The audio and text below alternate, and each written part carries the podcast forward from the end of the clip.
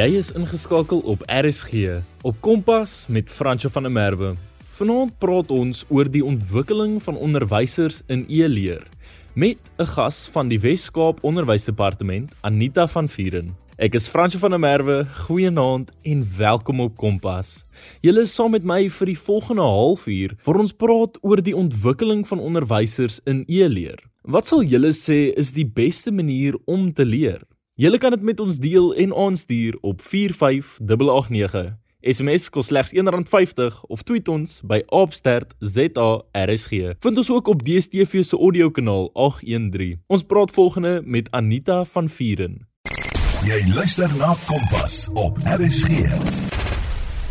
Jy werk in die direktoraat e-leer en bestuur die portefeulje vir die professionele ontwikkeling van onderwysers in digitale onderrig en leer. Vertel ons kortlik daarvan. Die e-leer direktoraat is gesetel in die provinsiale kantoor van die WKOD.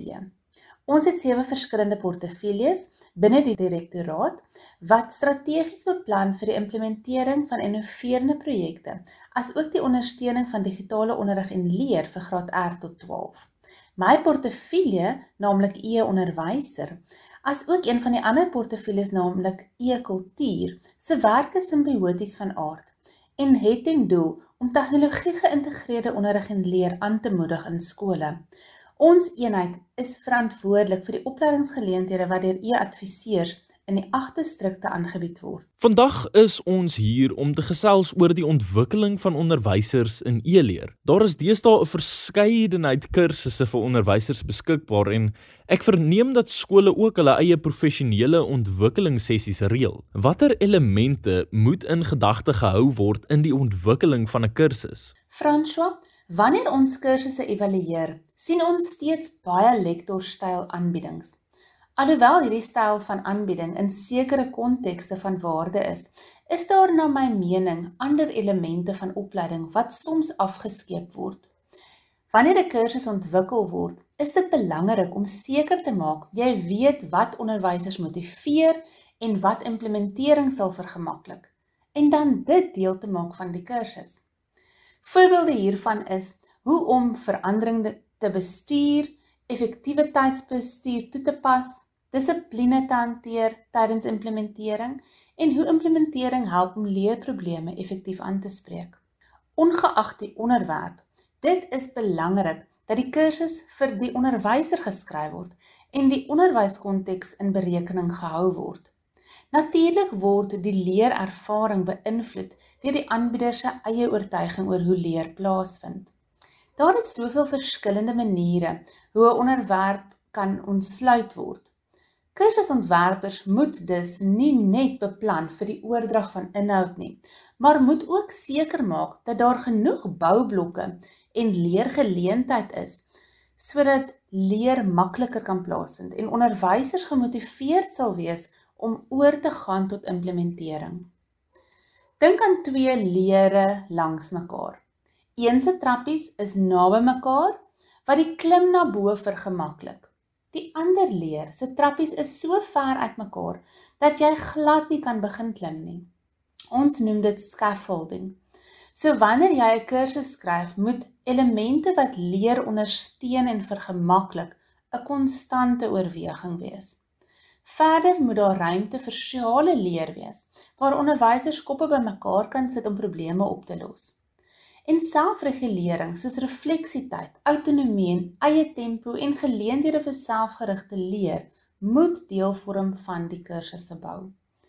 En dan vir enige nuwe onderwerp of onderrigmetode moet veranderingsbestuur in die kursus verweef word en nie in isolasie hanteer word nie. 'n Goed ontwikkelde kursus het goeie balans tussen inligting wat in teks, klank of video weergegee word en ook die tipe interaksie wat verlang word. Interaktiwiteit is uiters belangrik want dit verseker dat die onderwyser die inhoud nie net hoor nie, maar dit assimileer en toepas binne hul konteks. Ja, alhoewel tyd 'n bepalende faktor is vir die aantal elemente wat gebruik word, is dit belangrik om 'n effektiewe leerervaring te skep. Ek dink dis 'n kuns om 'n goeie kursus bymekaar te sit. Anita, soos ek verstaan, het jy onlangs jou meesters juis in die rigting aangepak. Vertel ons so 'n bietjie oor die studie. Ja, ek het laas jaar my M-graad in tegnologie geïntegreerde leer en onderwys gedoen deur die Universiteit van Johannesburg. My navorsingsstudie het 'n evalueringsinstrument voorgestel vir die ontwerp van onderwyseropleidingskursusse. Alhoewel die instrument geëvalueer was aan die hand van 'n kursus wat die konsep van kodering aan onderwysers bekendstel, is daar wel 12 ontwerpbeginsels wat toegepas kan word op enige onderwerp wat deel vorm van 'n digitale onderwyseropleidingskursus. Luisteraars wat fasiliteerders is, sal baat vind deur die lees van die studie Educational Heuristics for designing an online teacher professional development intervention to demystify coding. Ek glo dit sal selfs onderwysers idees gee oor hoe om die onderrig en leersituasie meer leerdergesentreerd te maak en te fokus op die ontwerp van leerervarings. Dit klink vir my asof die elemente wat jy genoem het ook elemente is vir die onderrig en leersituasie in die klaskamer. Is daar 'n korrelasie tussen onderwyseropleidingsprogramme en die klaskamer situasie, veral binne jou veld van tegnologie geïntegreerde leer? Ek dink daar is versekerde verband. 'n Onderwyser wat blootgestel is aan 'n aanbiedingstyl tydens sy opleiding, sal meer selfvertroue toon om dieselfde styl te gebruik in sy klaskamer, veral as dit 'n effektiewe uitkoms gehad het. Dit kom neer op wat ons glo oor hoe leer plaasvind en dit word baie keer beïnvloed deur ons eie leerervaring. So François, as jy gevra word om 'n meningsopname te doen, delf jy eers in jou eie ervaring. Nou, as 'n vraelys jou enigste verwysingsraamwerk is, sal jy moontlik dit kies. Tog is daar soveel ander maniere om terugvoer te kry, soos byvoorbeeld 'n aanlyn word cloud of 'n video of klankopname en terugvoer, of selfs 'n Facebook meningsopname of 'n poll. Kom ek maak nog 'n paar voorbeelde. 'n Onderwyser wat self aanlyn studeer het, het 'n goeie idee van wat die lekker en die sleg van aanlyn leer is. 'n Onderwyser wat blootstelling gehad het aan 'n kursus binne 'n LMS soos Blackboard of Moodle kan vanuit daardie ervaring bou en soortgelyke of selfs beter leergeleenthede vir hul leerders skep binne 'n LMS. Ek glo jy sal saamstem dat een van die beste maniere om iets nuuts baas te raak is deur demonstrasie en toepassing in praktyk. So as ek aan tegnologie geïntegreerde leerervarings dink en hoe dit die toekoms van onderrig en leer beïnvloed, besef ek dat die grootste deel van ons onderwysers dalk nie genoeg blootstelling het aan die pedagogiek wat daarmee gepaard gaan nie. Dit het 'n direkte impak op hul selfvertroue tydens implementering en hul oortuigings ten opsigte van leer met tegnologie wat op sy beurt oorspoel tot die klaskamerpraktyk. So wat stel jy voor as 'n oplossing om tegnologie geïntegreerde leerpraktyk te bevorder in skole? Wel, ek dink nie daar is net een antwoord nie, maar 'n kombinasie van benaderings kan lei tot grootskaalverandering.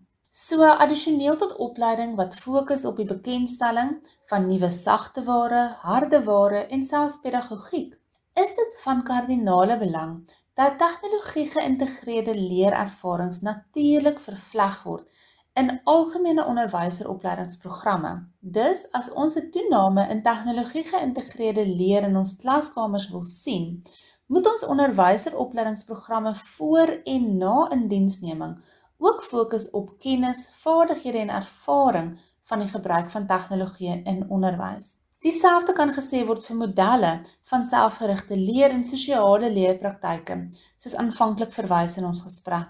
Ons moenie net leer van die verandering nie, maar ons moet die verandering self beleef in ons eie leerervarings. Dis natuurlik makliker gesê as gedaan, maar ek weet dat die Wes-Kaap Onderwysdepartement baanbreker werk doen in terme van hulle opleidingprogramme. Hoe het die pandemie julle programme beïnvloed? As ek nou moet terugdink, 2019 het ons direktoraat se opleidingsprogram meer gefokus op die gebruik van toerusting soos dataprojektors, dokumentkameras en interaktiewe witborde.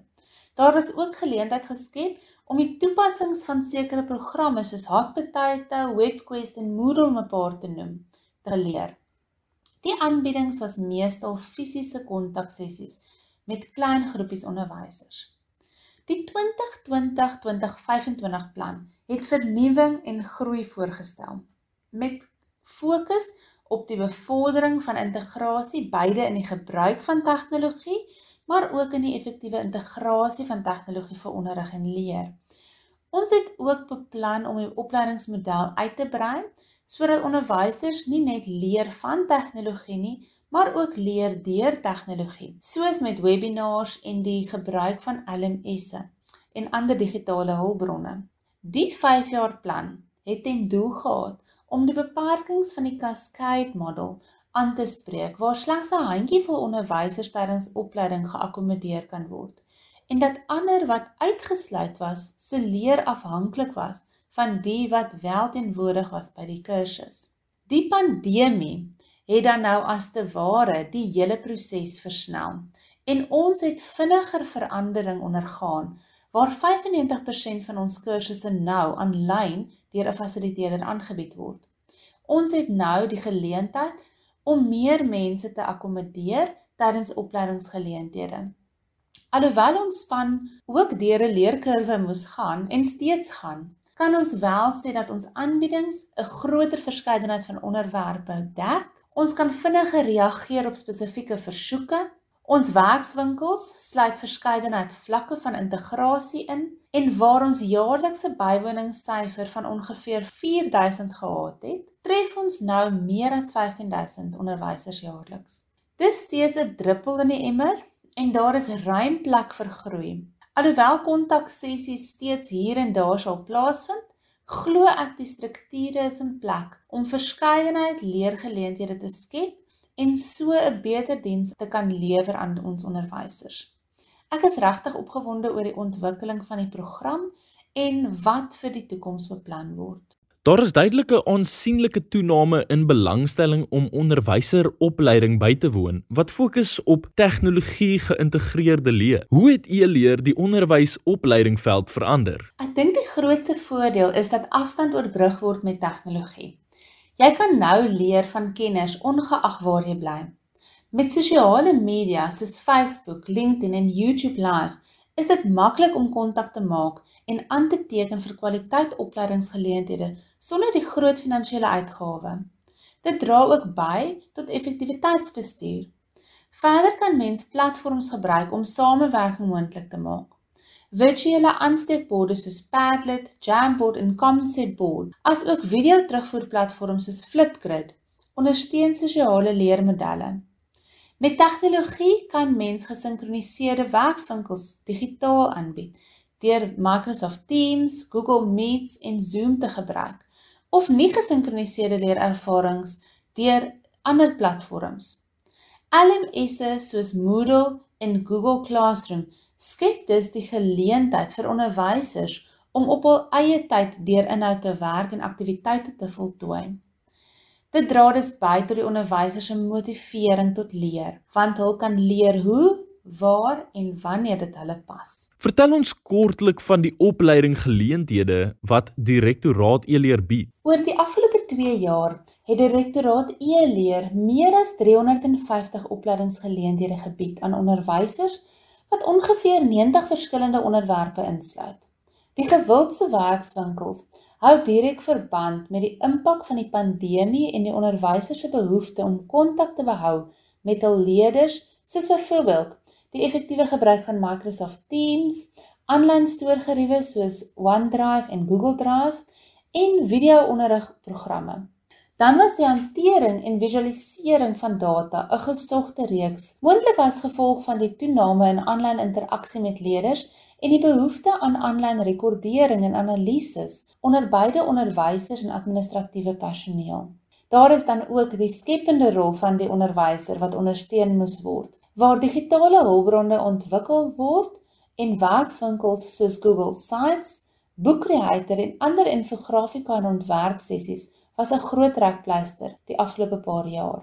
'n Reeks oor digitale assessering, alhoewel dit meestal op informele assessering fokus, bly ook steeds gewild. Al ons werkswinkels ondersteun integrasie van tegnologie in klaskamers en daarom word onderwerpe soos flipped classroom, teaching with WhatsApp en tegnologie geïntegreerde wiskunde om net 'n paar te noem, ook gevind in ons arsenaal van werkswinkels. Die Rektoraat e-leer het onlangs 4 nuwe onderwerpe tot die lys van aanbiedings gevoeg. Vertel ons luisteraars gou daarvan. In samewerking met Microsoft bied ons die reeks Digitale Leer met Minecraft aan vir Weskaap onderwysers. Die reeks bestaan uit 4 verskillende onderwerpe wat in April en Mei herhaal. Hierdie reeks bied dus geleenthede om te leer oor digitale leer deur spel, die ware toevoeging van Minecraft in onderwys, lesontwikkeling deur die gebruik van Minecraft en dan 'n uur van kodering om onderwysers blootstelling te gee aan blokgebaseerde kodering. Aangesien WKOD Minecraft uitrolplanne het vir die nabye toekoms, is hierdie reeks van 11 opleidingsgeleenthede net die aanvanklike lusmakers en meer hands-on sessies word beplan om die uitrolproses verder te ondersteun. As mense meer wil leer oor die aanbieding, is daar webtuiste? Ons e-leer span het 'n informele inligtingblad wat luisteraars kan besoek vir meer inligting. Alhoewel dit egter meer gemik is op ons Weskaap onderwysers, glo ek dit sal insiggewend wees vir ander provinsies om te sien watter tipe geleenthede wel moontlik is. So luisteraars kan die webblad besoek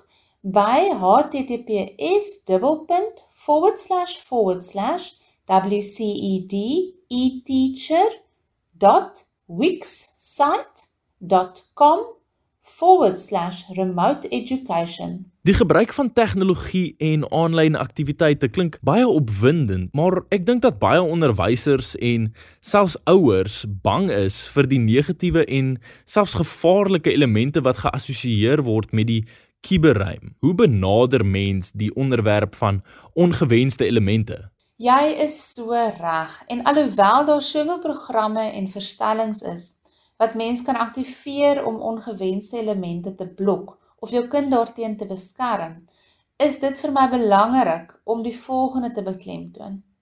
Jy kan nie altyd jou omgewing bepaal nie, maar jy kan leer om dit te hanteer. Jy weet ek glo ons is daar om leerders gereed te kry vir die wêreld na skool. Met tegnologie kom die wêreld as te ware na die leerder toe.